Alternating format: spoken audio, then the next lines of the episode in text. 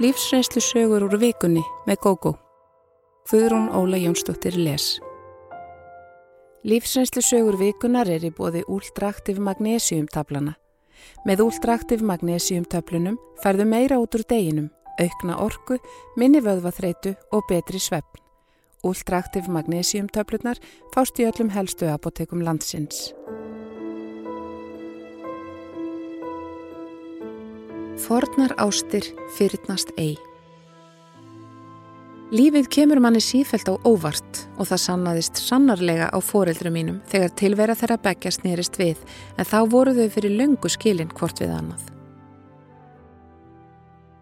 Mamma og pappi voru kornung þegar þau fóruð að vera saman. Þau giftu sig um tvítugt og voru búin að eignast mig og bróður minn fyrir 25 ára aldurinn. Mamma er gullfalleg en gat virkað kuldalega á þá sem ekki þekkt hana. Hún vildi eiga fáa en góða vini og meðan pappi var algjör andstæða hennar. Pappi þótti og þykir enn mjög sjármerandi og er vinsall af bæði konum og körlum. Það kom alveg fyrir að hann fekk ekki frið fyrir konum þegar þau mamma fór út á lífið og það gætt kosta leiðindi þeirra á milli. Afbríði sem með mömmu kviknaði og það gerði pappa svektan því honum fannst að hún ætti að treysta sér. Þeim fannst báðum gaman að fá sér í glas og fara á djammið á yngri árum og áttu bæði góða stundur og slæmar þegar afbreyði sem hinn greip mömmu. Slæmu stundirnar urðu sífelt fleiri og ég mann vel eftir yfirildum þeirra. Hvorugt vildi gefa sig. Mamma þóldi ekki viðbröð pappa þegar konur döðruði við hann og pappi þóldi ekki það sem hann kallaði vantraust frá mömmu. Þetta endaði fyrir rest með skilnaði. Ég var átt ára og bróður minn sex ára. Skilnaðurinn fór fram í meiri vinnsemt en búast hæðum átt við og bæði fundu foreldrar mínir nýja maka innan fára ára. Nýji maðurinn en að mömmu, Kristján, var mjög indæl og við sískinnin höfðum ekkert út á hann að setja. Hann reyndi ekki að ganga okkur í föðurstað heldur var meira eins og vinur. Konan hans pappa, Brynja, var líka góð við okkur en þau pappi bygguði út á landi fyrstu árin þeirra saman svo við hittum þau sjálfnar en ella. Kvorki pappinni mamma eignuður spörd með setni mögum sínum en Kristján átti tvo sinni fyrir og Brynja átti dóttur sem er ein af mínum allra bestu vinkonum. Eftir 20 ára sambúð var pappi fyrir miklu áfalli þegar hann misti Brynju eftir stutta sjúkdómslegu. Þá var stjúpdóttir hans fluttað heiman og farin að búa með manninum sínum. Pappi var aðleitn í kotinu og þar sem hann átti frekar erfitt með að koma tilfinningum sínum í orð eins og svo margir karlar, fekk hann útrás fyrir sorgina með því að hella sér út í vinnu. Hann rak fyrirtæki sem hafði reyndar blómstrað undir hans stjórn í mörg ár. Pappi var kannski ekki forríkur en hann hafði skapað sér og Brynju þægilegt líf. Þau höfðu ferðast mikið í gegnum tíðina og skömmu áður en Brynja veiktist höfðu þau keift sér sumarhús á sólaströnd Erlendis. Þau gáttu ekki farin nema tvær ferðir þangað sem var ótrúlega sorglegt. Brynja var ein af þeim sem fann mikla gleði í því smáa eins og að sitja úti á palli í sólinni með kvítvin eða gott kaffi og lesa nýjustu spennusöguna. Hún tók engu sem sjálfsögðum hlut og það má segja að hún hafi reynd að njóta hverjar mínútu í sínu allt of stutta lífi. Mamma og hún voru ágættar vinkonur, ekki kannski nánar en þeim kom alltaf vel saman þegar þær hittust. Mamma var miður síni við látu Brynju og reyndi að stiðja pappa eins og hún gatt. Hún fór að bjóða honum í mat með okkur börnum sínum og barnabörnum og það var aldrei neyn spenna í gangi á milli pappa og Kristjáns, fyrirverandi og núverandi, eins og mamma kallaði þá stundum þegar þeir voru báðir viðstattir. Elsku fyrirverandi, viltur ég etta með saltið? Og svo framvegis. Tveimur árum síðar veiktist mamma alvarlega. Það var gríðalegt áfall. Henni var ekki hugað lífum tíma en svo fekk hún í lif sem breyttu öllu. Pappi var mjög áhyggjufullur og ringdi oft í mig til að spyrja frettafinni. Það var alltaf einhver þráður væntum þykju á milli þeirra, en það áttu þau svo sem saman tvö börn og nokkur dásamleg barnabörn. Svo fór að Kristján þóldi ekki álægið sem fyldi veikindu mömmu, sjúkrahúsvistum, livjameðferð, hármissi, óta og kvíða. Þótt mamma væri vissulega oftast bjart sín í veikindunum, datt hún líka niður í erfiðar hugsanir og líklega var ekki auðvelt að umgangast hana þegar henni leiði sem verst. Í blíðu og stríðu virkaði ekki fyrir Kristján, en það höfðu þau mamma svo sem ekki gift sig og lofaði fyrir framann prest. Hann gafst upp og let sig hverma. Því miður slittnaði sambandið einninga mestu við síni hans með árunum, en það verða þó alltaf fagnaðar fundir með okkur þegar við hittumst á förnum vegi. Ég var með tvö ung börn á þessum tíma og gati ekki aðstóðað mömmu allan sólaringin, en bróðir minn og kærastan hans fluttu inn til hennar um tíma. Já, og pappi fór að venni komur sínar til hennar. Fyrst um það byl einu sinni í viku en smám saman fór hann að koma daglega eftir vinnu og oft um helgar. Þegar mamma var orðin frísk breytist þessi venni hans ekkert. Hann kom til hennar og þau borðuðu kvöldmat og vörðu kvöldinu yfirleitt saman. Á endanum kviknaði í gömlu glóðunum og ástin og milli þeirra var næstum áþreimanleg. Þetta var indislegur tími og við sískininn strítum fóreldrum okkar óspart. Mér fannst óurlega gaman að segja vinu mínu fréttinnar. Hei, vissir þú að pappi og mamma eru byrjuð saman aftur? Fólk tók þessu fagnandi en það vissu allir í kringum mig hversu góðir vinir þau hafðu verið í gegnum tíðina. Við bróður minn fórum bæði að vinna í fyrirtækjunum hans pappa sem hefur stækkað ört. Fyrst stjórnaði pappi en nú höfum við sískinni nánast tekið yfir allt því pappi og mamma eru farin að búa allt áriðum kringi sumarhúsinu ytra og njóta þess að spóka sér í sólinni. Það átti nú ekki sérlega vel við pappa í fyrstu að vera yðjúlaus en eftir að hann fór í golfið með mömmu hefur hann ekki kvartað. Þau eru fáranlega hamingisum og minna mig ofta á ástfangna úlinga. Þau letu púsa sig saman aftur einn jólinn fyrir nokkrum árum. Mamma fer annars slægið í læknisrannsóknir til öryggis en kemur alltaf vel út úr þeim. Hún og pappi eiga svo innilega skilið að hafa öðlast þetta góða líf sem þau lifa. Bæði hafa þau þurft að þóla sitt af hverju og kunna eflust betur að meta það sem þau hafa öðlast núna. Við sískinin heimsækjum þau að sjálfsögðu eins ofta við getum og börnin okkar vita fátt skemmtilegra en að heimsækja afa og ömmu í sólina. Dóttir Brynju og fjölskylda hennar er líka í miklu og góðu sambandi við fórildra mína og koma oft í heimsókn. Svo eru alltaf fagnar fundir þegar mamma og pappi koma til Íslands í smá tíma á sömrin og einningum jólinn sem þau verði alltaf á Íslandi. Ég sakna þeirra mikið en við tölum það oft saman í gegnum Skype og Facebook að söknuðurinn er ekki óbærilegur.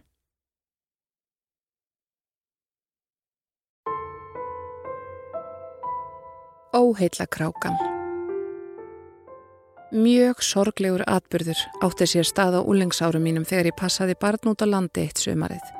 Lungu setna hitti ég konu, góða vinkonu á þessum tíma, en ég hafði þurkað tilvist hennar algjörlega út úr minni mínu.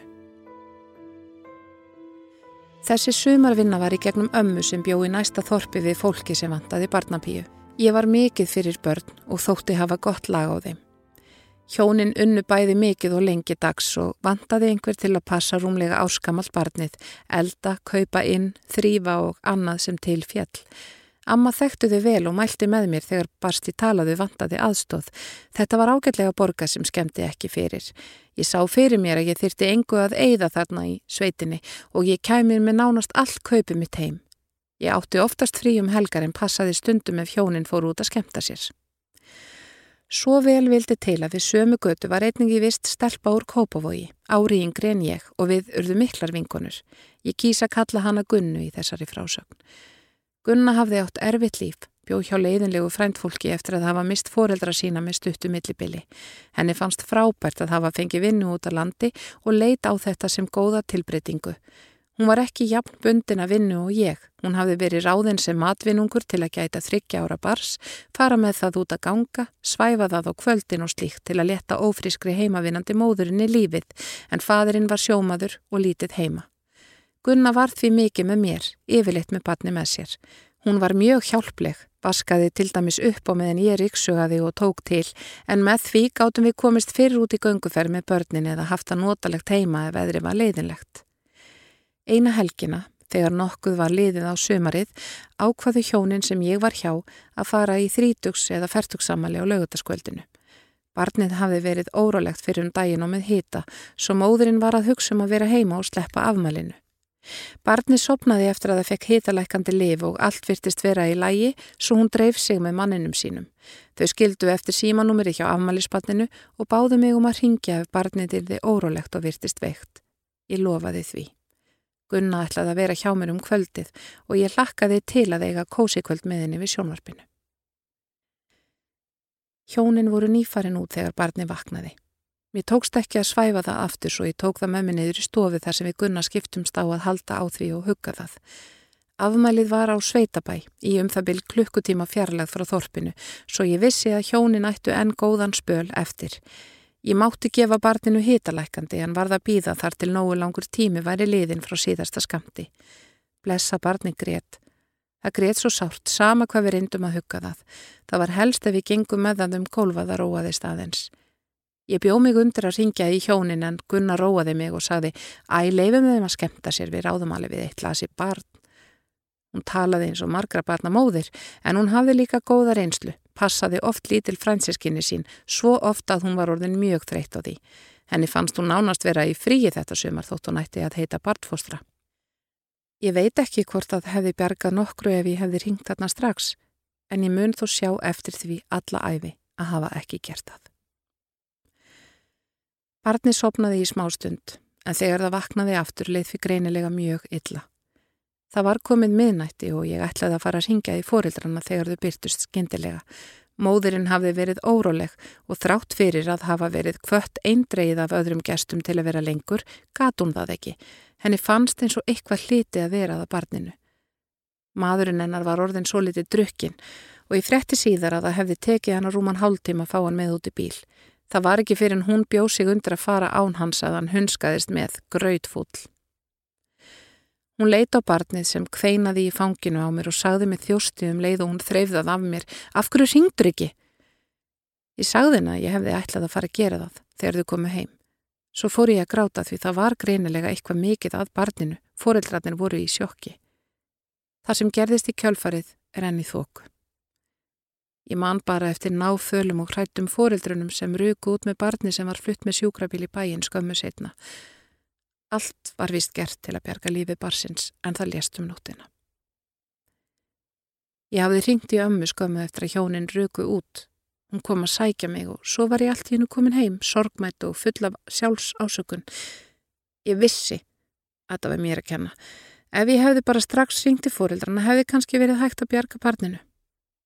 Amma sagði að enginn ásakaði mig. Það væri frekar að fóreldrat en gætu ekki fyrirgefið sjálfum sér fyrir að fara frá veiku barni.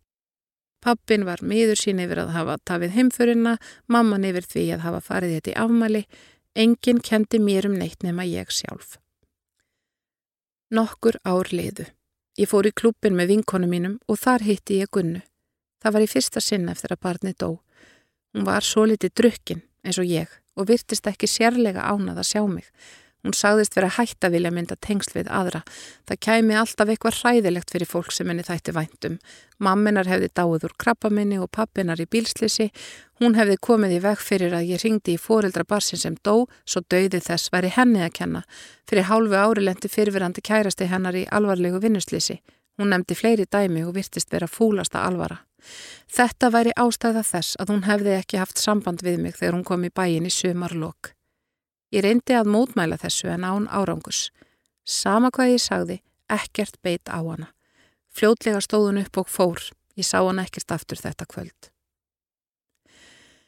Sársökin og sjálfs ásökunin mingaði með árunum, en 15 árum setna sá ég hjónin í kringlunni með tvö stálpuð börn. Þau virtust öll vera ánað með lífið og tilveruna. Ég forðaði mér satt í burtu til að þurfi ekki að hitta þau, fór heim og greitt í marga klukkutíma. Í kjölfarið fór ég að vinna meira í sjálfri mér og leitaði hjálpar. Nokkrir tímar hjá sálfræðingi gerði mér mikið gagn og sitt af hverju fleira sem hafði góð áhrif. Egin maður minn stutti mig líka vel og hefur alltaf gert. Áratugum eftir síðasta fund okkar gunnu hittumst við af tilviljun í smáralind. Ég var á ferð með fyrsta badnabatninu mínu þryggja ára stelpuskotti. Eflaust hefði ég gengið fram hjá Gunnu án þess að þekkjan ef hún hefði ekki brosað og heilsað mér. Hún kynnti sig og það kom hálgert fát á mig, svo gjörsamlega hafði ég glemt tilvist hennar.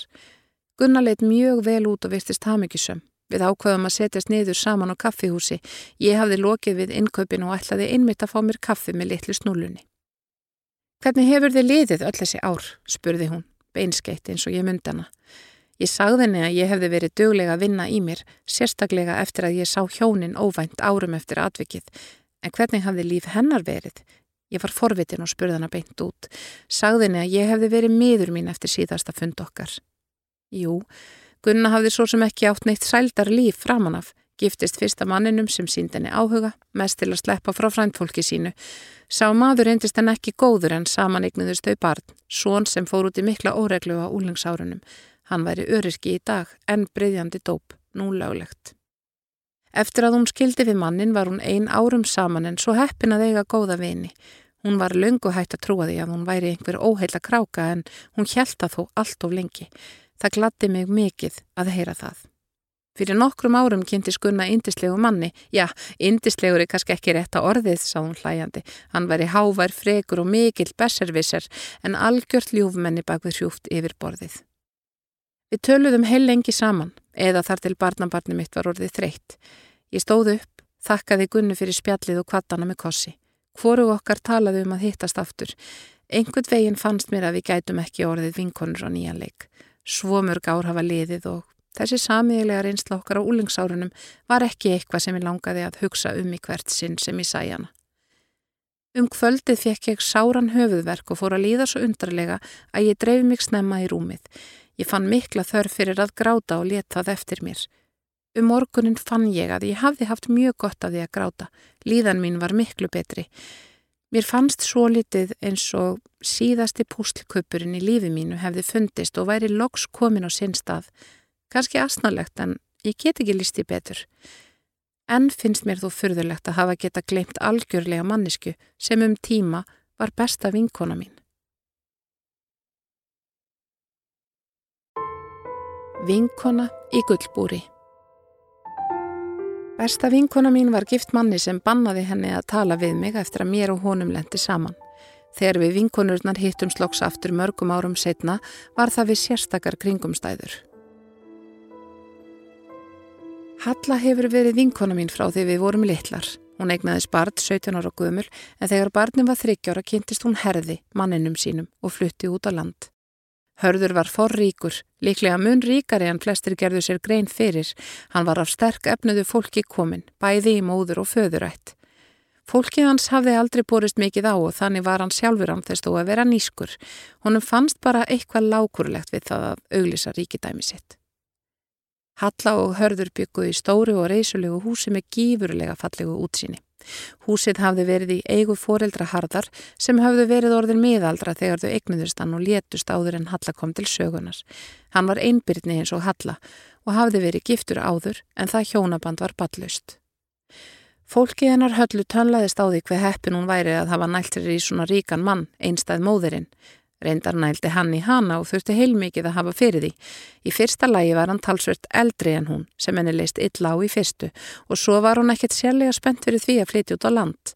Hún hafði ætlað sér að menta sig meira og hafði þegar lagt draugað við þegar hún kynntist herði. Halla var líklega farin að trúa því sjálf að hún hefði dottið í lukkupottin því hún leiti ímislegt hjá sér sem ángraði hanna í fari harðar. Eins og það hvað hann var ónótalegur í garð dótturennar sem var þó rólegur og þægur krakki. Þegar hann egnaðist eigin dóttur með höllu varð vandraðalega ábyrrandi hversu mjög hann gerði upp á milli stelpnanna. Sem betur fyrir myndaðist náið og gott sistrasamband með stelpunum og það hefur haldið alla tíð. Ég held líka að Halla hafi kvíslað tvöfalt fleiri rósirðum að eldri stelpunni en ljótu orðunum sem stjúpi hennar heitti hana. Hún býra minnstakosti yfir miklu sjálfströsti. Ég fór einu sinni til tvísvar á ári til höllu og dvaldi þá hjá fjölskyldunni í góðu yfirlæti í nokkra daga. Halla hafði aldrei minnst ávið mig að hörður væri vondur við stjúpdóttur sína þannig að mér döð brá þegar ég var vittni að því. Stelpan hefur kannski verið nýju eða tíu ára þegar hún kom með teikningu eftir sjálfa sig heim úr skólanum. Halla dáði staðinni en þá drundi í herði hættu að æsa vittlisuna upp í barninu. Þetta er léleg teikning og sínir algjöran hæfileikaskort. Mér brá mikið og sérstaklega af því að stelpan fór ekki að gráta. Hún virtist vera vön þessu. Hún þagði bara og horfi niður fyrir sig, greinilega leið. Fram að þessu hafði mér líka vel við hörð. Góður hliðar hans voru mjög góðar, en ég hafði ekki heyrt hann í þessum ham þótt ég hefði átta mig á því að hann væri skapráður. Mér datt þó ekki í huga leifunum að komast upp með þetta. Ég hversti á hann augun og sagði að þetta væri senlega ekki rétt hjá honum. Teikningin væri óvenju góð með að við aldur.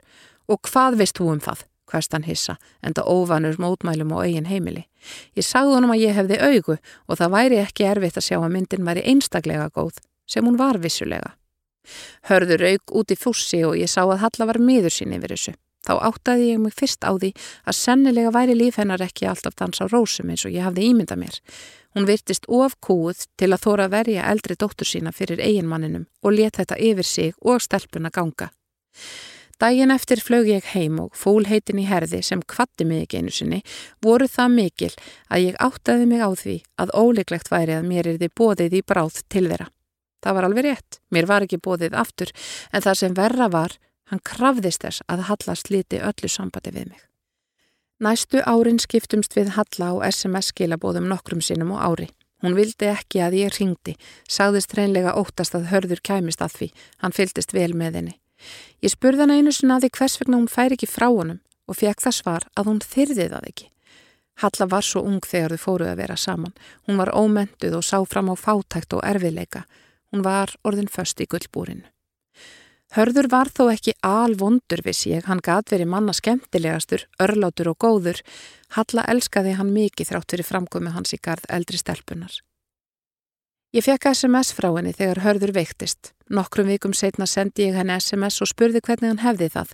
Í stað þess að senda SMS tilbaka, ringdi Halla og sagði mér að hörður hefði dáið fyrir þennan dag. Hún var stöttir Reykjavík en ætlaði heimdægin eftir og spurði hvort ég geti komið með henni og verið í nokkra daga hjá henni. Halla var útgrátin þegar ég kom til hennar en samt róleg.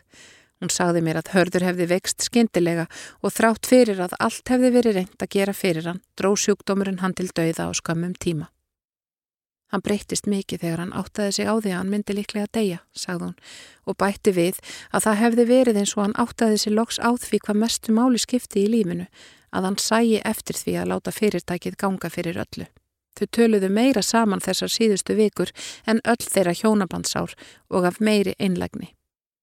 Eldri dóttir Höllu, sem var orðin fullorðin og fluttað heimann, skrifaði herði fallegt bref sem hann fekk rétt áður en hann dó.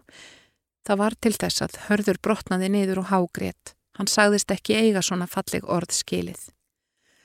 Halla hafði aldrei þurft að standa í neinu eins og að skipulegja jarðarfur, þannig að ég sá um það fyrir hana. Hún var svo litið eini í heiminum og það var herði að kenna. Hann hafði einangrað hana og að auki séðum öll þeirra mál.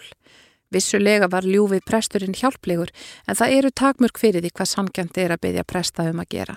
Ég hef góða skipulagskáfu svo þetta reyndist ekki flókið. Það var líka gott að geta ringt í bróður minn sem hafði nýlega mist tengdaföður sinn og gengið í gegnum útfararundibúning. Mikið fannst mér fyrðulegt að hugsa til þess að fyrir 15 árum hafi ég verið gerð útleg af þessu heimili. Nú var ég að undirbúa út fyrir mannsinn sem gerði það. Alla hefðan gruna það. Það var skringileg tilfinning sem gagg tók mig þegar ég sati fremsta bílnum sem ágá eftir líkbílnum í kirkjugarðin. Ég vissi vel að hörður væri ekki alls slæmur en ég gat samt ekki þaga þegar hann ataðist svona í stjúpdóttur sinni.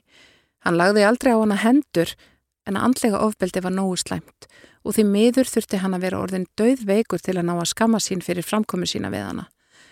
Halla sagði mér að afbreyði semi út í fyrra líf hennar hefði stjórnað honum og að dóttir hennar myndi hann stöðugt á að hún hefði verið með öðru manni. Þó að það hefði verið maður sem létt sér hverfa um leið og Halla varð ólétt, skipti það engu. Þegar yngri dóttir Höllu var komin á mentaskóla aldur fluttu þar maður til Reykjavíkur. Við hittumst oft og mikið en það þurfum við að vinna upp öll árin sem við sáumst ekki. Nýlega egnaðist eldri dóttir hennar barn og það er öruglega leituna reiknari ömmu en Höllu. Það virðist sem eldri dóttirinn hafi ekki beðið skaða að framkomi stjúpans við hana. Þótt hann segði henni reglulega þegar hún var yngri að hún gæti ekkert og væri heimsk, náði það ekki í gegn hjá henni þótt að hafi vissulega sært hana. Hún er einstaklega gáfuð og klár manneska sem á eftir að ná langt í lífinu. Mér finnst dásamlegt að hafa endurheimt eldstu og bestu vinkonu mín á segin eða reglulega. Hún faðmar mig stundum upp úr þurru og segist ekki skilja hvernig hún gat verið án mín svona lengi. Halla talar alltaf hlýlega um hörðu og á greinilega margar góðar minningar um árin þeirra saman. Hún hefur kosið að reyfja bara þær góðu upp og ég skilða vel. Hún hefur þó sagt að hún óskaði þess að hann hefði áttað sig fyrr á því hvað skipti mestu máli í lífinu. Það gerðist ekki fyrir hann lága dánarbeðinum og þann góða mann sem þá byrtist hefði hún vilja sjá oftar. Heppnust í heimi Þegar ég var 15 ára fekk ég vægast sagt erfiðar fréttir. Fólki sem ég hafði þekkt alla æfi sem mömmu og pappa sagði mér að þau hefðu ætlit mig þegar ég var nýfætt. Ég varð bálreið og ákvaða að finna alvöru fóreldra mína.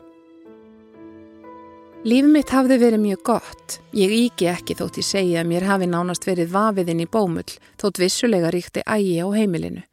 Mér fannst það kannski ekki á úlingsárunum en þegar ég líti baka fullorðin finnst mér ég hafa átt fullkomi líf.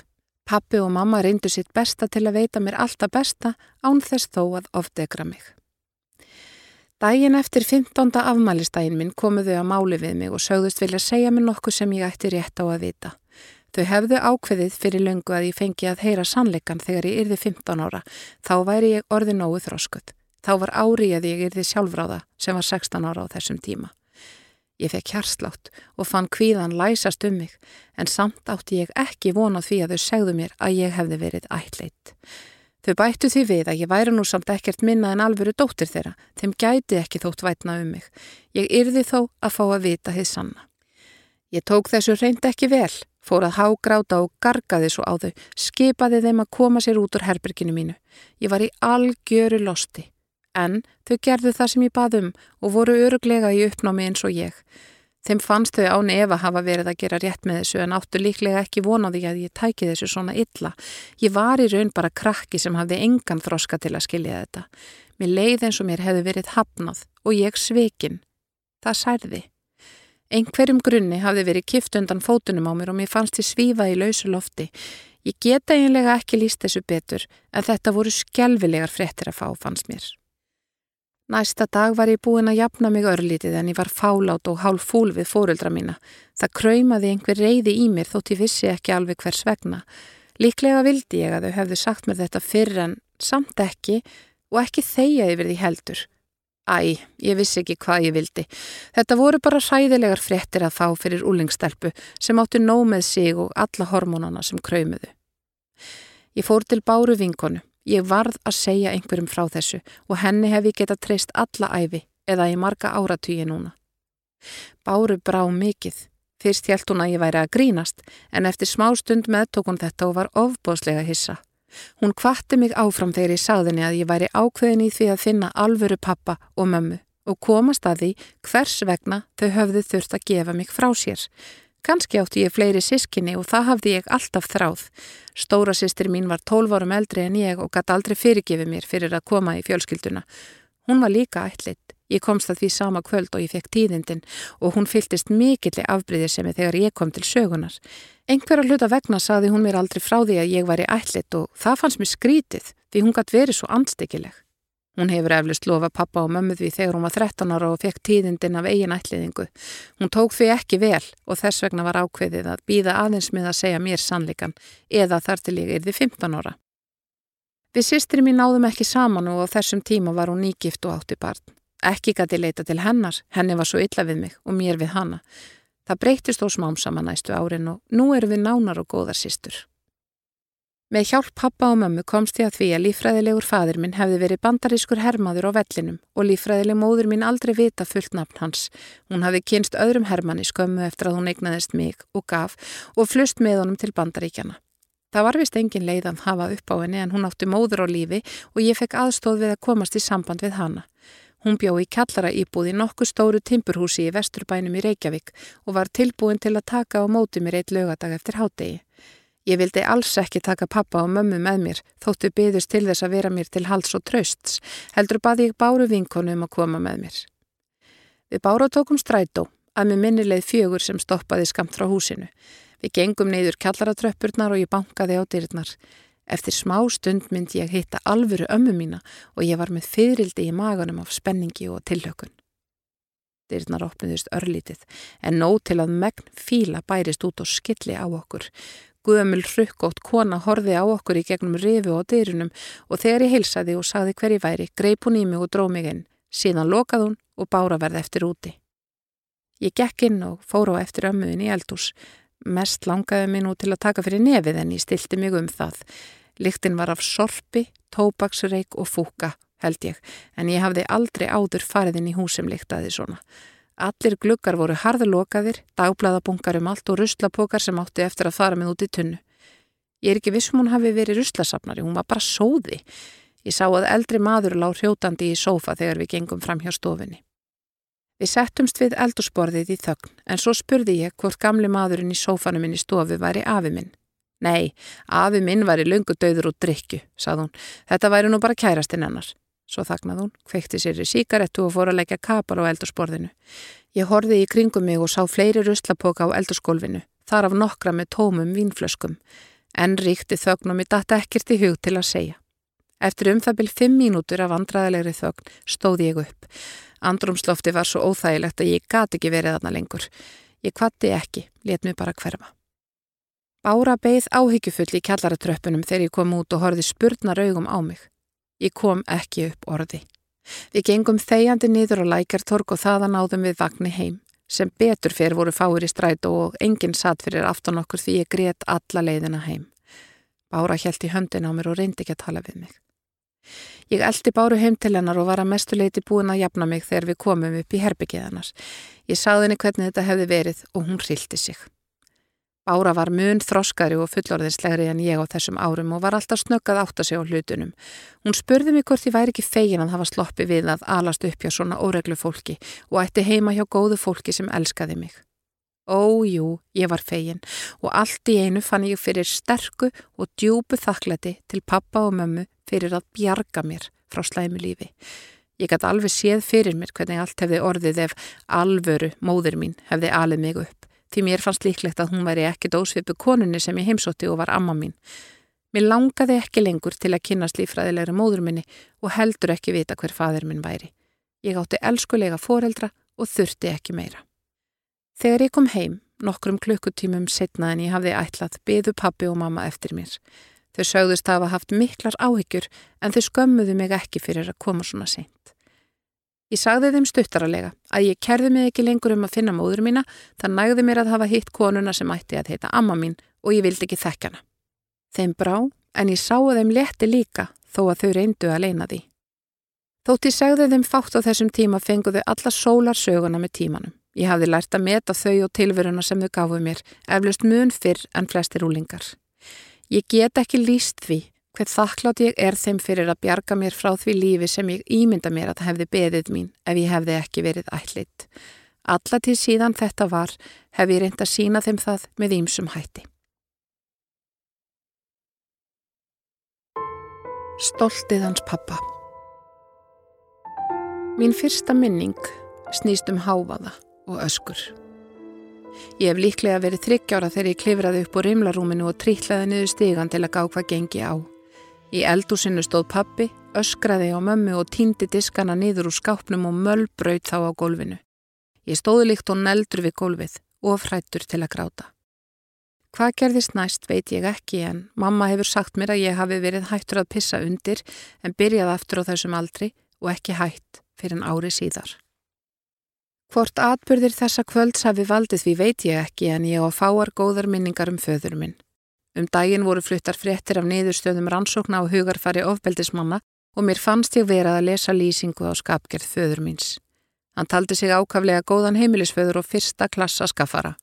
Hann skipti sér þó sjaldan af okkur sískinunum nema til að skammast og tala niður til okkar. Við stóðumst aldrei í væntingar hans en sjálfur hvaðast hann gera miklar kröfur til sjálfsín. Hann var algjörlega ómentaður og hafði engan áhuga á bókum og fannst það algjör tímasóun þegar þrjú af okkur kursu að lesa af miklum krafti. Hann talaði alltaf um að skólaganga væri tímasóun og kraftmikið fólk geti unnið fyrir nægum tekjum án þess að hanga í skóla árum saman. Pappi var svo sem hörku duglegur, það vantaði ekki. Hann var eftirsóttur í vinnu en staldraði jafnan stutt við á hverjum stað. Allt gekk vel til að byrja með og pappi kom heim allsæll og gladur á kvöldin en fljótlega tóka súrna í honum hljóðið. Verkstjórin var ómögulegur og lagðan í einelti, sínd honum stöðuga lítilsverðingu og eigandin var síst skári. Eftir einhverjar vikur eða mánuði sagði pappi upp eða var rekin eftir að það var rókið upp í reyði yfir einhverju. Eitt sinn slóst hann við yfirmann sinn Mamma var alltaf jafn miður sín þegar þetta gerðist en pappi var kókraustur og ánaður með sig. Hann sagði, ég læð sko ekki vaða yfir mig, ég veit hvers virði ég er og á mitt stolt. Stolt hans gerði það hins vegar að verkum að alltaf vantaði peninga á æskuheimili mínu. Við sískinin fengum að borða en stundum var lítið til og maturinn fábrotin. Það var ekki keft mikið af ávöxtum og keks var aldrei á borðum. Mamma var snillingur í að gera mikið úr litlu og varða vera það. Ég veit líka að móðurafi minn sendi henn oft mat úr sveitinni og það hefur bjarga miklu. Þegar ég var nýjára var pappi ekki í vinnu í heilt ár en það voru atvinnureikundur í bæjarfélaginu farnir að þekka skapsmunni hans og kursu að ráða hann ekki nema þeir væru í vandraðu með að fá menn. Við fluttum til höfuborgarinnar þegar ég var 12 ára. Mamma fekkir vinnu og svo staðrind að hún hafði först laun hjálpaði. Pappi drakk sífelt meira og varð ofbeldisfyllri með hverjum deginum. Hann gekk í skrokka mömmu í fyrsta sinna eftir að við settum staði í breyðholti. Fram á því hafði hann haldið okkur í helgreipum skapræðinar og vanstillingarinnar en við höfðum þó ekki þurft að ótast nefa hans. Eftir að fyrsta höggið fjall var þróunin hröði niður á við og æg oftar urðum við vittnið að grófu ofbeldi hans skakvart mömmu. Hún þóldi þetta lengi en loks kom að því að meira segja hún gæti ekki meira. Við snerum aftur heim í bæin okkar en fóreldrar mömmu byggu þær í nágrenninu og hjálpuði henni. Ég var 16 þegar þetta var. Afi var fróður maður og fróðleiksfús. Hann kvatti mig til að halda áfram í skóla og mér þótti gott að fór hrósans og viðurkenningu. Fram á því hafði ég ekki oft hýrt að ég væri einhvers virði. Ég var mjög ungur þegar ég ákvaða að ég vildi ekki verða eins og pappi en Stjáni, elsti bróður minn, var eiginlega eins og tvífari kalsins í öllu. Hann var æfinlega upp á kant við einhvern, sífælt í slagsmálum í skólanum, reifst við kennarana og var rekin úr vinnu fyrir dónaskap og kæftátt. Nanna sýstir mín og Eirikur yngsti bróðir voru líkari mér í skapi og við heldum vel utanum hvert annað. Ég flutti að heiman til að fara í mentaskóla og Nanna kom á eftir mér ári síðar. Þegar við sískinin vorum komin í háskóla bjó Eirikur hjá okkur. Við unnum öll með náminu en það enginn til að styrkja okkur. Við hittum pappa lítið eftir skilnaðin. Hann ringdi sjaldan og þá oftast fullur. Ekkert okkar vildi tala við hann nema stjáni. Ég hitt hann einu sinni á götu eftir að ég byrjaði í háskólanum og ég vissi ekki hvert hann ætlaði þegar hann frett að ég byggi í bænum og væri í skóla. Hann tilkynnti mér að hann hefði nú alltaf vitað að ég væri vittlus en að ég væri svona heimskur hefði hann mikið dottið í hug. Ég laug námi og fekk fljótlega góða vinnu. Pappi kom ekki í útskriftarveisluna mína og let ekki heldur sjá sig þegar sískinni mín áður sama áfanga. Mér hefur gengið vel í lífinu en pappi minn lést fyrir nokkru. Hann var enn á besta aldrei eins og sagtir en hafði farið illa með sig. Yngri sískinni mín eru einning á góðu róli þótt Nanna sýstir hafi verið óheppin í kallamálum. Hún verðist því miður sífast af mönnum sem eru ótrúlega líkir pappa og það endar jafnan með ósköpum. Við fyrstu kynni eru þeir fullkomnir og góðir en áður en langt um líður sína þeir sitt rétta eðli. Hún verður alltaf jafn hissa og sár. Ég og mamma höfum oft þurft að hjálpina raða saman brotunum af lífi sínu. Stjáni aftur á móti virðist ætla að endur taka algjörlega lífslöp pappa. Hann gerðist sjómaður og þótti bæði lægin og döglegur. Honum tókst hins vegar mjög fljótt að komast út úr húsi hjá flestum og skipin sem hann var á urðu sífelt minni, útgerðirnar óáreiðanlegri og allt í kringum hann meiri ringulreið. Hann á fjögur börn með þremur konum, beitti þær allar ofbeldi og drakk illa þegar hann var í landi. Fyrir átta árum slasaðist hann illa og fyllir í og hefur átt erfitt með að vinna síðan. Nú lifir hann á örorkubótum og hefur verið heimilislaus af og til síðasliðið ár. Mamma tók við honum um tíma en varð að gefast upp og reykan út. Ég bauð þá stjána hjálp en setti sem skilirði að hann færi í meðferð. Bróður minn tók ekki vel í það og saðist ekki láta neina háskólamenta það tind átt að segja sér hvað hann ætti að gera. Hann ætti nú sitt stolt. Mér fannst þér seinlega heyra röttinans pappa kom úr hans munni og gafst upp. Kanski hefði ég átt að reyna betur og meira en ég bara nettiði ekki. Eftir því sem ég verð eldri, því meira kemst ég á þá skoðuna við eigum öll val. Ég var sjálfur skabráður krakki og fljótur upp en lærði fljótt á leksíu að reyðin skilar engu. Hún lamar þig og eigðilegur hæfileikan til að raukstiðja sitt mál. Ég sá líka að ég kom engu fram með látunum en ef ég helt róminni tókst mér mun oftar að stýra hlutunum í höfn. Afi var mín stóra fyrirmyndi lífinu en ég heyrði þann mann aldrei hækka rómin. Þrátt fyrir það var hann mikilsvirtur í sveitinni sinni og gengdi þar trúnaðarstörfum. Menn leituðu ofta á það hjá hann og hann leitaðist æfinlega við að greiða götu manna ef hann var í aðstöðu til. Ég sá að þannig vildi ég vera svo ég lærði að stilla skapsmunni mín og ná valdi á reyðinni áður en hún tók völdin af mér. Af því er ég stoltur og mitt stolt á ekkert skilt við stoltið hans pappa. Þú varst að hlusta á lífsreynslusögur úr vikunni með GóGó í læstri Guðrúnar Óli Jónsdóttur og framleiðslu Storysight árið 2020. Höfundaréttur Vikan.